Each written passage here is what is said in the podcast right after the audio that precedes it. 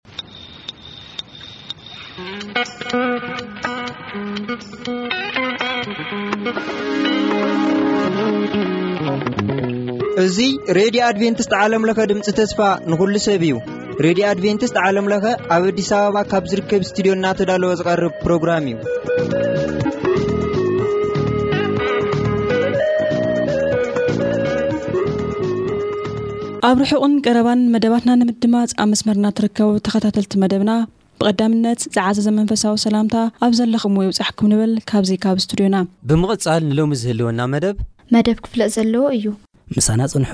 ሰናይ ምክትታል።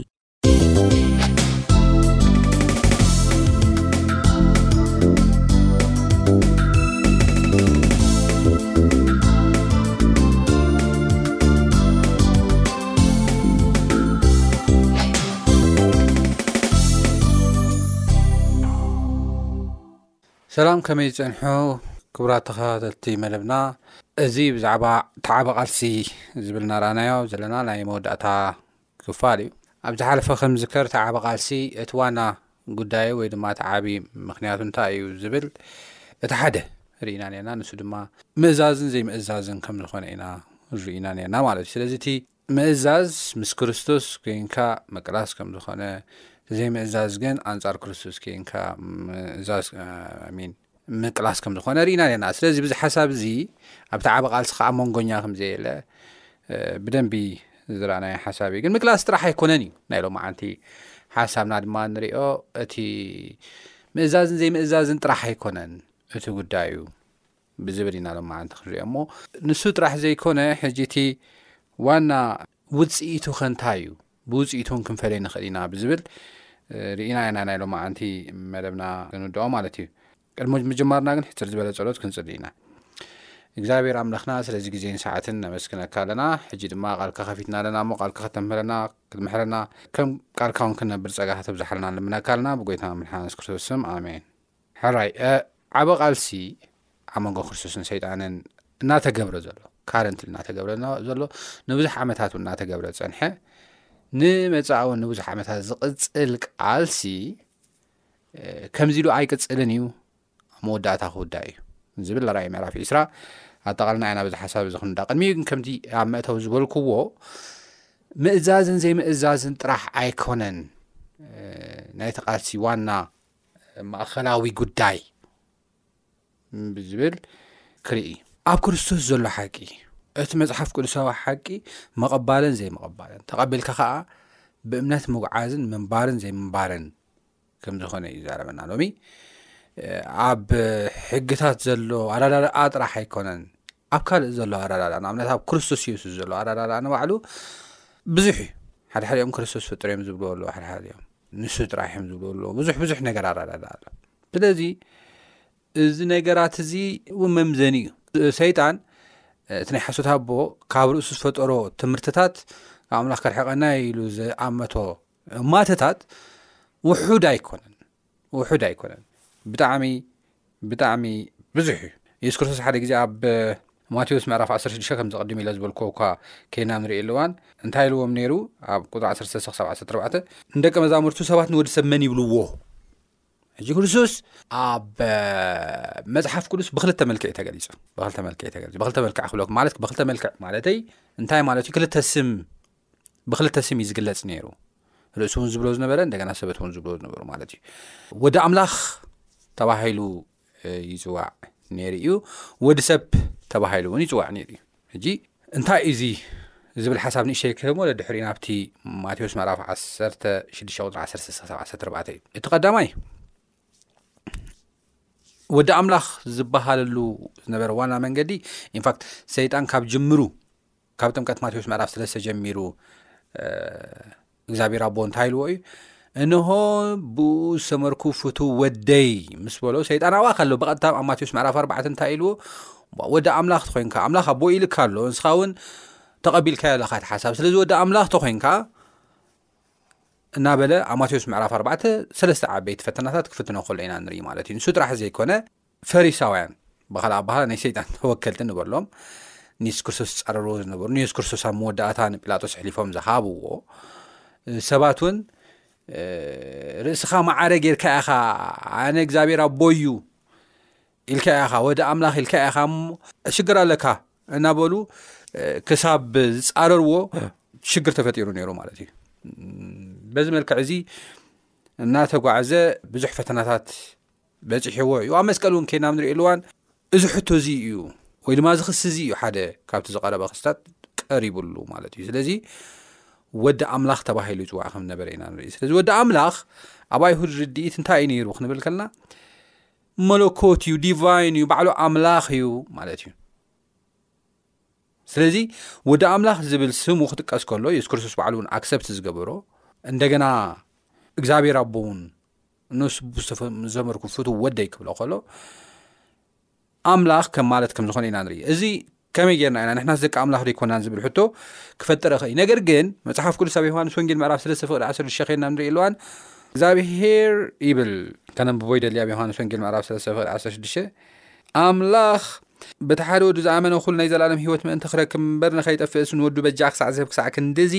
ንዓለም ኣፍቀራ ንሕና ደቂ ኣምላኽ ኢና ምክንያቱ ኣብ ዮሃንስ ወንጌል ምዕራፍ ሓደ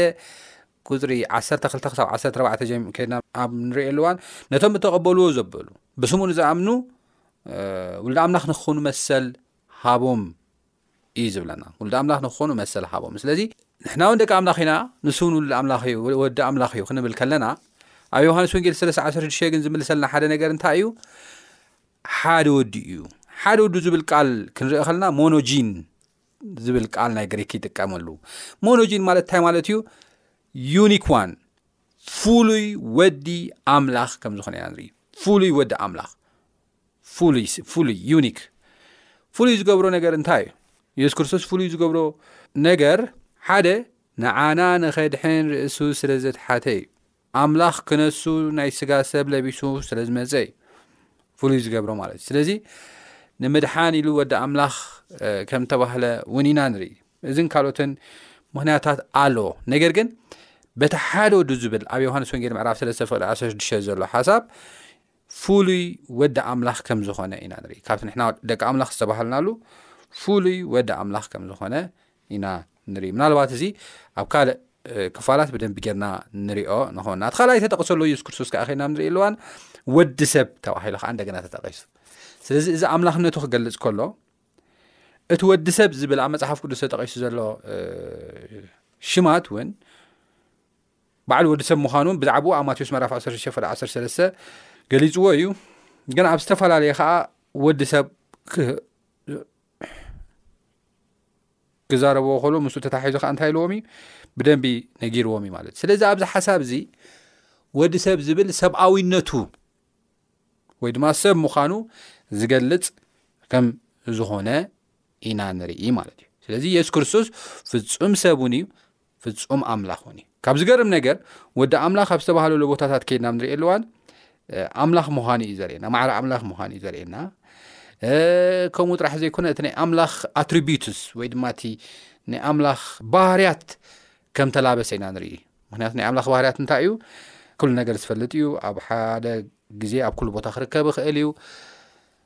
ንሱ ጥራሕ ዘይኮነ ኩሉ ልዕሊ ኩሉ እውን እዩ እናበልና ብዙሕ ክንዝርዝር ንኽእል ኢና ማለት እዩ ስለዚ ምስኡ ተታሒዙ ኢና ንርኢ ወዲ ኣምላኽ ወዲ ኣምላኽ የሱስ ክርስቶስ ኣብ ዝተባለሉ እዋን ኣምላኽነቱ ኢና ንርኢ ነገር ግን ኣብዚ ንዓና ንምድሓን ኢሉ ብስጋ ለቢሱ ከም ዝመፀ ብስጋ ተሸፊኑ ከም ዝነበረ ዘርኢ ሓሳብ እዩ ማለት እዩ ካልኣይ እቲ ወዲ ሰብ ከዓ ሰብኣዊነቱ ከም ዝኾነ ኢና ንርኢ ሰብ ብምዃኑ ኣብ ኣምላኽ ተኣሚኑ ኣብ ኣምላኽ ተደጊፉ ዝኸዶ ክያዶታት ወይ ግዕዞታት ኢና ንርኢ ማለት እዩ ኣብቲ ህይወት እውን ኣብ መወዳእታ እውን ወዲ ሰብ ተባሂሉ ከም ዝሞተን ኣብ መስቀል ከም ተሰቕለን ኢና ንርኢ ማለት እዩ እዚ ኢንካርኔሽን ፍፁም ኣምላኽ ፍፁም ሰውነት ኣብ ክርስቶስ ክፈላለ ብዘይክእል ተመጋጋሚነት ወይ ድማ ዝምድና ኣብ የሱስ ክርስቶስ ሓደ ኮይኖም ከም ዝነበሩ ኢና ንርኢ ከመይ ገይሮም ሓደ ይኾኑ ክንብል ከለና እዚ ይብለና ጳውሎስ ኣብ ካልኣይ ጢሞቴዎስ ምስጢር እዩ ይብለና ምስጢር እዩ እዚ ምስጢር እዩ መቸማ መፅሓፍ ቅዱስ ምስጢር ዝተባህሉ ነገራት ኣሉ ዘዳግ ምዕራፍ 2ሸ ፍቅሪ 2ሸ ምስጢሩ ንእግዚኣብሔር ንኣምላኽና እዩ ተተገልፀ ግና ምእንቲ ክንገብሮ ምእንቲ ክንእዘዞ ንዓናን ንደቅናን ንደቂ ደቅናን እዩ ዝብሎ ሓሳብ ኣሎ ማለት እዩ ስለዚ ኣብ ቀዳማይ ጢሞቴዎስ ምዕራፍ ሰለስተ ፍደ ዓሰርተ ኣርባዕተ እንታይ ይብል ብሓቂ እቲ ምስጢር ኣምልኾ ወይ ድማ ኣምላኽ ምምሳል ወይ መቀድስና ዓብ እዩ ንሱ ወይ ድማ ክርስቶስ እቲ ብስጋ እተገልፀ ይብለና ብስጋ እተገልፀ እዚ ምስጢር ኣምላኽ ኮይኑ ብኸመይ ብስጋ ተገሊፁ ከመይ ገይሩ ወዲ ኣምላኽን ወዲ ሰብን ሓደ ኮይኑ ብመንፈስ ጸደቐ ንመላእኽት ተራእየ ኣብ ኣሕዛብ ተሰብከ ኣብ ዓለም ተኣመነ ናብ ክብሪ ድማ ዓረገ ዝብል ከመይ ገይሩ ዝብል ምስጢር እዩ ኣብ ሰማይ ከይድና ዝግለጸልና ነገር እዩ ማለት እዩ ግን ተሓቂ እሱ እዩ የሱስ ክርስቶስ ኣምላኽ ምዃኑ ማዕረ ኣምላኽ ምዃኑ ናብዚ ክመፅእ ከሉ ከም ምዛዕ ከም ዘይረኣዮ እቲ ኣምላኽነቱ ከም ዝገደፉ እውን ኣይንርኢ እታ ስልጣን እታ ወንበሮ ከም ዝገደፋ ንፈለጥ ኢና ፊልጵስ ምዕራፍ 2 ካብ ሓሙሽተ ክሳብ ዓሰርተ ነገር ግን እቲ ማዕረ ኣምላኽ ምዃኑስ ክንብል ከለና እታ ማዕረ ኣምላኽ ምዃኑ ኣይ ሓደ ጎናኡ ማንነቱ እዩ ንሱ እዩ ባዕሉ እዩ ስለዚ እንታይ ኮይኑ ስጋ ለቢሱ ግን ከም ዝመፀ ኢና ንርኢ ማለት እዩ እዚ ዓበ ምስጢር እዩ ከመይ ገይሩ ክኸውንኸ ከመይ ገይሩ መፅኡ ከመይ ገይሩ ዓበ ምስጢር እዩ ኣምላኽ ዶ ክመውት ይኽእል እዩ እዚ ኣብ ሰማይ ኬና ንምለሰልና ሕቶታት እዩ ኩሉ ክምለሰልና ኣለዎ ማለት ኣይኮነን መፅሓፍ ቅዱስ ቃል ኣምላኽ እዩ ካብ ኣእምሮና ንላዕሊ እዩ ክንርድኦ ዘይንኽእል ብዙሕ ሓሳባታት ኣሎ ዘለና ኣማራፂ ብእምነት ካብ ምቕባል ወፃኢ ካልኣይ ምንም ነገር የብልናን ስለዚ በዚ ክልተ መንገዲ ከምተገልፀ እዚ ከዓ ኢየሱስ ክርስቶስ ኣምላኽ ከም ዝኾነ ብስጋ ዝተገልጸ ከም ዝኾነ ዘርኢ ሓሳብ ዓብ ምስጢር ከም ዝኾነ ኢና ንርኢ ናብ ናይ መጀመርታ ከምብቦ ዝደለኹ ሓሳብ ከይና ንሪኦ ግን ማቴዎስ ምዕራፍ 16 ፍቕዲ 13 ክሳብ 14 እንታይ ኢልዎም ነይሩ የሱስ ናብ ምድሪ ቂሳርያ ናብ ፊልጶስ ምስ መፀን ደቂ መዛሙርቲ ሰባት ንወዲ ሰብ መን ይብልዎ ሕጂ ወዲ ሰብ እዩ ዝብልዎ ዘሎ ንወዲ ሰብ ነቲ ንወዲ ሰብ መን ይብልዎ ኢሉ ሓተቶ ነሳቶም ከዓ ገሊኦም ዮሃንስ መጥመቅ ከሊኦቶም ድማ ኤልያስ ካልኦቶም ኤርምያስ ወይ ሓደ ካብ ነቢያት ዝብሉ ኣለዉ ኢሎም መለስሉ ንስኻትኩም ከ መን ትብሉኒ ኣለኹም በሎም ስሞን ጴጥሮስ ንስኻ ክርስቶስ ወዲ ህያው ኣምላኽ ኢኻ ስለዚ ንወዲ ሰብ መን ይብልዎ ወዲ ኣምላኽ ይብዎ ንወዲ ኣምላኽ መን ይብልዎ ወዲ ሰብ ይብልዎ ተመጋጋቢ ሓደ እዩ ኢንካርኔሽን ኣብ ውሽጢ እቲ ዲቪኒቲ ወይ ድማ እቲ መለኮት ኣብ ውሽጢ ካርንያ ወይ ድማ ኢንካርኔሽን ማለት እንታይ ማለት እዩ ኢንካርንያ ማለት ኣብ ውሽጢ ስጋ ምዃን ኣብ ውሽጢ ስጋ ምዃን እቲ መለኮት ኣብ ውሽጢ ስጋ ኮይኑ ተሸፊኑ ከም ነበረ ዘርኢ ሓሳብ እዩ ማለት ስለዚ ሓደ እዩ ክፈላለ ዘይክእል ነገር እዩ ግን በዚ መልክዕ እዚ ፍፁም ኣምላኽ ፍፁም ሰብነቱ ይግለፅ ከም ዝነበረ ኢና ንርኢ ስለዚ መፅሓፍ ቅዱሳዊ ዝኾነ ርድኢት እዩ ክንብሎ ኣይንኽእልና ምክንያቱ ኣብ ዝቕፅል እውን ሓደ ሓደ ሓሳባት ብዛዕባ እዚ ክንውስኽ ኢና እንተኾነ ግን ሓደ ናይቲ ዓበ ቃልሲ ብዛዕባ የሱስ ክርስቶስ ዘሎ ሓሳብ እዚ እዩ የሱስ ክርስቶስ ኣምላኽ እዩ ማዕረ ኣቦ እዩ ፊልጲስ ምዕራፍ ክልተ ፍቅዲ ሓሙሽተ ክሳብ ሸሞንተ ከይና ንሪኢ ኣለዋ ማዕረ ኣቦ እዩ ኣነን ኣቦን ሓደ ኢና ኢሉ እዩ ኣብ ዮሃንስ ወንጌል ምዕራፍ ዓሰርተ ቅዱ ሰላሳ መንፈስ ቅዱስ እውን ብዛዕባ ክምስክር ከሎ ብዛዕባ በዓል ጳውሎስ ኣብ ሮሜ ምዕራፍ ሸዓተ ፍቅዲ ሓሙሽተ ንሱ ዝተባረኸ ኣምላኽ እዩ ኣሜን ተባሂሉ እዩ ንሱ ጥራሕ ዘይኮነ ኣብ ማቴዎስ ምዕራፍ 28 ኣብ ካልኣይ ቆርንጦስ ምዕራፍ 1 14 ከይና ንሪኢ ኣለዋን ኣብ ማቴዎስ ምዕራፍ 28 ምስ ኣቦ ማዕረ ክጥቀስ ከሎ ኢና ንርኢ ብሽም ኣቦን ወድን መንፈስ ቅዱስን ክበሃል ከሎ ኢና ንርኢ ስለዚ እቲ ሽም ማዕረ ኣቦ ክጥቀስ ከሎ ኣብ ካልይ ቆረንጦስ እውን ናይ ኣቦ ፀጋ ናይ የሱስ ክርስቶስ ፀጋ ናይ መንፈስ ቅዱስ ፀጋ ክበሃል ከሎ ማዕረ ክጥቀስ ከሎ እቲ ሽሙ ኢና ንርኢ ስለዚ ኣምላኽነቱ ኢና ንርኢ ብሰብነቱ ከዓ ኣብዚ መፅኡ ከም ዘድሓነና ወዲ ሰብ ከም ተባህለ ድማ ንርኢ ኢና ማለት እዩ ስለዚ ብዛዕባ የሱስ ክርስቶስ እውን ርድኢት ኣገዳሲ እዩ ሕጂ ሰባት ንየሱስ ክርስቶስ ከይቅበሉ ነቶም ተቐበሉ እውን ኮንፊዝ ክኾኑ ይነግረና ኢንፋክት ክርስቶስ ኣምላኽ ተዘይክኸውን ከመይ ገይሩ የድሕነና መፅሓፍ ቅዱስ እኮ እቲ ዘድሕን ኣነ ጥራሕ እየ ዝብል መድሓኒ እግዚኣብሄር ጥራሕ እዩ መድሓኒ እግዚኣብሔር ጥራሕ ብዘይ ብኣይ ዘድሕን የለን ይብለና መፅሓፍ ቅዱስ ክዛረበና ከሎ እንደም ተዘንብቦ ደስ ይብለኒ ኣብ ኢሳያስ ምዕራፍ 43 ፍቕዲ 11 ዘሎ ሓሳብ ከንብብ እደሊ እዚ ብኢሳያስ ምዕራፍ 43 ፍቕዲ 11 ዘሎ ሓሳብ እዚ እግዚኣብሔር ብዛዕባ እግዚኣብሔር ብዛዕባ እግዚኣብሔር ዝተዛረቦ ሓቂ እንትኸውን ካልኦት ምስክር እውን ዝኾነ መሰኻኸሪ ወይ ድማ ኣሎ እንታይ ይብል ኣብ ኢሳያስ መራፍ 43 ፍቅዲ 11 ኣነ ኣነ እየ ይብል ኣነ ኣነ እግዚኣብሄር ብጀካይ መድሓኒ የልዎን ስለዚ ብጀካ እግዚኣብሄር ከድሕን ዝኽእል ማንም የለን ብጀካ እግዚኣብሄር ከድሕን ዝኽእል ማንም የለን ስለዚ ክርስቶስ ፍጡር እዮም ዝብሉ ሰባት ሕጂ መፅስ ፍጡር ከድሕነና ይኽእል ማለት እዩ ፍጡር ከድሕነና ይክእልን እዩ በቲ ናይ መፅሓፍ ቅዱስ ሓሳብ ኳ ከና ንሪእየኣለዋን ማለት እዩ ንሱ ጥራሕ ዘይኮነ ንጉስ ንቡካድነጻር ነቲ ዘቖሞ ምስሊ ብዙሓት ክሰግዱ ወይ ድማ ኣዕሩኽቲ ዳንኤል፣ ሲድራቅ፣ ሜሳቅ፣ ዓብደኔጎ ነቲ ዘቖሞ ምስሊ ክሰግዱ ስለ ዘይከኣሉ ናብ ሓዊ ከም ዘእተዎም ኢና ንርኢ። እንዲያም ናብ ሓዊ ክእትዎም ከሎ እቲ ሓዊ ሸውዓተ ዕጽፊ ይንደድ ከም ዝበለ ኢና ንርኢ። ምክንያቱ እቶም ኣዕሩኽቲ ዳንኤል ዕድል ተዋሂቦም ንጉስ በዚ ምንም ምክንያት ክንበካ ኣየድልን እዩ ኣይንሰግደሉን ኢና ኢሎም ግልፂ ብድፍረት ስለ ዝተዛረቡ እዚ ንዕቐት ኢሉ እንደገና እቲ ሓዊ ካብቲ ዝነበሮ ብደንቢ ንክቀፃፀል ከም ዝገበሩ ኢና ንርኢ ነገር ግን እቲ ዘድሕን ኣምላኽ ያውም ወዲ ሰብ ዝመስል እዩ ዝብል ሞስ ፕሮባብሊ ክርስቶስ እዩ ኣብዚ ዳንኤል መራፍ ሰለስተ ንሪኦ ማለት እዩ ኣብ ማእኸሎም ኣትዩ ከም ዘድሓኖም ካብቲ እቶን ሓዊ እቶም ዝደርበይዎም በቲ ሃልሃልታ ሓዊ ክህሞኹ ከለዉ ክርስቶስ ግን ነቶም ኣብ ውሽጢ ሓዊ ምስ ኣተዉ ምስኦም ራብዓዮም ኰይኑ ይመላለስ ከም ዝነበረ፣ ሽታ ሓዊ እኳ ከም ዘይነበርኹ ደሓር ኣውጽዎም ምስ በሎ ሽታ ሓዊ እኳ ከም ዘይነበሮም ኢና ንርኢ። ደሓር ከምዚ ከም እተባህለ ኢና ንርኢ። ከመይ ገይሩ ከናገ ንብኳድናጸር ከኣ ነቲ ነቶም ባሮቱ መልኣኹ ሰዲዱ ዘናግፎ ኣምላኽ ሲድራቅ ሚሳቅን ዓብደኔጎን ይባረኽ ንሳቶም ኣብኡ ተወኪሎም ትእዛዝ ንጉስ ኣብዩ። ብዘይ ንኣምላኾም ንኻልኦት ኣማልኽቲ ኸየምልኹን ከይሰግዱንሲ ስጋኦም ወፈዩ ኢሉ መለሰ። ከምኡ ገይሩ ኸናግፍ ዝኽእል ካልእ ኣምላኽ የልቦን። ከም ኣምላኽ ገይሩ ኸናግፍ ዝኽእል ማንም የለን። ኣብ መስቀል ተሰቒሉ ስለ ሓጢኣትና ዕዳና ኸፊሉ ኣብ ሓውዓት ንሲድራቅ ሚድራቅ ኣብ ደኔጎ ካብ ሓዊ መንጢሉ ከናግፍ ዝኽእል ካልእ ኣምላኽ የልቦን ንሱ ጥራሕ እዩ ከምቲ እግዚኣብሔር ዝበሎ ኣነ ኣነ እግዚኣብሔር ጥራሕ ዘድሕን ብጀካይ ካልእ ዘድሕን የለን ከም ዝበሎ ንብኳናፃር እውን ከምኡ ገይሩ ከናግፍ ዝኽእል ከምኡ ገይሩ ከድሕን ዝኽእል ኣምላኽ የልቦን እሞ ኣነ ዝኾነ ይኹን ከ ኣብ ዘሎ ኣህዛውን ወገነትን ቋንቋታትን ንኣምላኽ ሲድራቅ ሚዛቅን ዓብደኔጎን ሕሱም ቃል ስውእ ንሱ ኸ ክስየፍ ቤቱ ከዓ ንምድራይ ጓሓፍ ክኸውን እዩ እዝዛለኹ ኢሉ ከም ዝመለሰ ንብኳናፃር ኢና ንርኢ ማለት እዩ ስለዚ ኢየሱስ ክርስቶስ ወዲ ኣምላኽ ኣምላኽ ከም ዝኾነ ፍጹም ሰብ እውን ከም ዝኾነ ዘርኢ ሓሳብ እዩ ማለት እዩ እምበር ኣብቲ ዓብ ቃልሲ እዚ እውን ኣሎ እዚ ጥራሕ ግን ኣይኮነን ከምቲ ኣብ መጀመርያ ዝብልክዎ ብዙሕ ትምህርትታት ኣሎ እዩ ስለዚ መፅሓፍ ቅዱስ መሰረት ዝገበረ ትምህርቲ መፅሓፍ ቅዱስ መሰረት ዝገበረ ትምህርቲ ጥራሕ ዘይኮነ ፕላስ እቲ ናይ ክርስቶስ መንገዲ ብምስዓብ ብምእዛዝ ክንማላለስ ከም ዘለና በዚ መልክዕ እዚ ንሕና ምስ ክርስቶስ ከም ዘለና ኣብቲ ዓብ ቃልሲ ናይ ሰይጣን ድማ ከም ንዋግኦ ዘርኢ ሓሳብ እዩ ማለት እዩ እምበር እዚ ቃልሲ እዚ ነዊሕ ግዜ ዝወሰደ ንኣሽሓት ዓመታት ዝወሰደ ቃልሲ እኳ እንተኾነ ኣብ መላእ ዩኒቨርስቲ ድማ ዝተሳተፍሉ ኣነ ካብዚ ቃልሲ ነፃ ዝብል ሰብ ኣብ ዘየሉ ቃልሲ እኳ እንተኾነ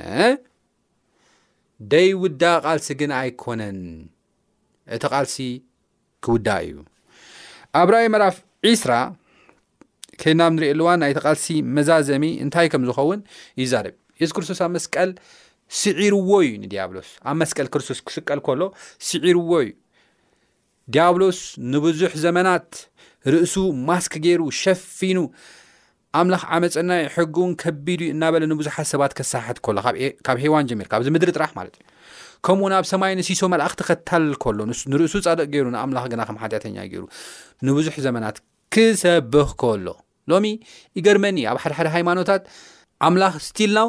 ከም ጨካን ገይሮም ዝቐርፅዎ ሰባት ኣለዉ ንኣብነት ኣምላኽ ሲ ንሰብ ምስ ሞተ ናብ ሓዊ እትዎ ሓደሓደ ግዜ ናብ በረድ ሓደሓደ ግዜ ናብ ሓዊ ናብ እቶን እናእተወ ከምዚ ገይሩ ዝጠብስ ከም ዝኾነ ገይሮም ዝስእልዎ ኣለዉ እዚ መፅሓፍ ቅዱሳዊ ኣይኮነን ንሰብ ሓንሳብ ሞት ድሕሪኡም ፍርዲ ተሰሪዓት ኣሎ ከም ዝብል ቃል ኣምላኽ ክሳብ ክንዲዚ ብሓጢኣተኛታት ስቃይ ኣውያት እንጆይ እናገበረ ዝነብር እናተሓጎሰ ዝነብር ኣይኮነን እሞ ንዕኦም ኢሉ እዩ ሞይቱ ግን ሰባት በዚ ነገር እዚ ዝሕጎስ ኣምላኽ ገይሮም ዝስእልዎ መጽሓፍ ቅዱሳዊ ከም ዘይኮነ እዚ ናይ ሰይጣን ትምህርቲ ሒዞም የጋውሑ ከም ዘለዉ ክርድኦም ከም ዘለዉ እዩ መጽሓፍ ቅዱሳዊ ትምህርቲ ከም ዘይኮነ ኢና ክንርዳእ ንኽእል ማለት እዩ ብዝኾነ ናብቲ ዋና ሓሳቢ ክኣቱ ከለኹ ኣብ ራእይ ምዕራፍ ዕስራ እቲ ቃልሲ ተወዳኢ እዩ ኣብ መስቀል መጀመርያ ተወዲኡ እዩ ኣብ መስቀል ዝተወደአ እንታይ እዩ እግዚኣብሄር ናይ ፍቕሪ ኣምላኽ ከም ዝኾነ እግዚኣብሄር መሓሪ ከም ዝኾነ እግዚኣብሄር ለዋህ ከም ዝኾነ ንሰባት ንምድሓን ሓደ ወዱ ከም ዝለኣኸን ሕጂ እውን ንደቂ ሰባት ንምድሓን ይረኣየልና ከም ዘሎ ሊቀ ካህና ኮይኑ ይረኣየልና ከም ዘሎ ኣብ ቅድሚ ቦ እዩ ዝነገረና ስለዚ ኣብ መስቀል ፍቕሪ ኣምላኽ እዩ ተራእዩ። ኣብ መስቀል ስራሕ ክርስቶስ ክሳብ ክንደይ ዘገርም ምዃኑ እዩ ተራእዩ። ኣብ መስቀል ብተጻራሪ ኸኣ ናይ ዲያብሎስ ሓሶትን ሌብነትን ስርቅነትን ካብ መጀመርያ ቀታሊ ነፍሲ ከም ዝነበረ መታለል ምዃኑ እዩ ተራእዩ። ኣብኡ ተሳዒሩ እዩ፣ ኤክስፖዝ ኮይኑ እዩ፣ ተቓሊዑ እዩ። ተሸፊንዎ ንዘመናት ንብዙሓት ዘሳሕተሉ ዝነበረ መጋረጃ ተቐሊዑ። ስለዚ ኣብዚ ጥራሕ ግን ኣይኮነን ዝተርፍ። ራእይ ምዕራፍ ዕስራ የሱስ ክርስቶስ መጺኡ ነቶም ዝተጸበይዎ፣ ነቶም ብእኡ ዝኣምኑ፣ ነቶም ከም ፍቓዱ ዝነብሩ ሰባት ምስ ወሰደ ናብ ሰማይ፣ ሽሕ ዓመት ሰይጣን ከም ዝእሰር ይዛረበና እዩ። መርሑም ዓሙቕን ሓደ ገዚፍ መቑሕን ኣብ ኢዱ ዝሓዘ መልኣኽ ድማ ካብ ሰማይ ክወርድ ከሎ ርኢኹ። ንሱ እውን ነቲ ገበል ናይ ጥንቲ ተመን ሓዞ እዚ እቲ ዲያብሎስ ሰይጣን እዩ ሽሕ ዓመት እውን ኣሰሮ ይብለና ሽሕ ዓመት ኣሰሮ ማለት እንታይ ማለት እቶም ኣብዚ ዝነበሩ ሓጢኣተኛታት ንክርስቶስ ዘይኣመኑ ሰባት ክርስቶስ ዘይተቐበሉ ሰባት ኩሎም እንታይ ኮይኖም እዮም ሞይቶም እዮም ኣብ ናይ ክርስቶስ ዳግ ምፅት ኩሎም ክሞት እዮም እቶም ብ ክርስቶስ ኣሚኖም ዝነበሩ ሰባት ግን ክርስቶስ መፂ እንታይ ክገብሮም እዩ ክወስዶም እዩ ናብ ሰማይ ሽሕ ዓመት እውን ምስ ክርስቶስ ክነግሱ እዮም ኣብኡ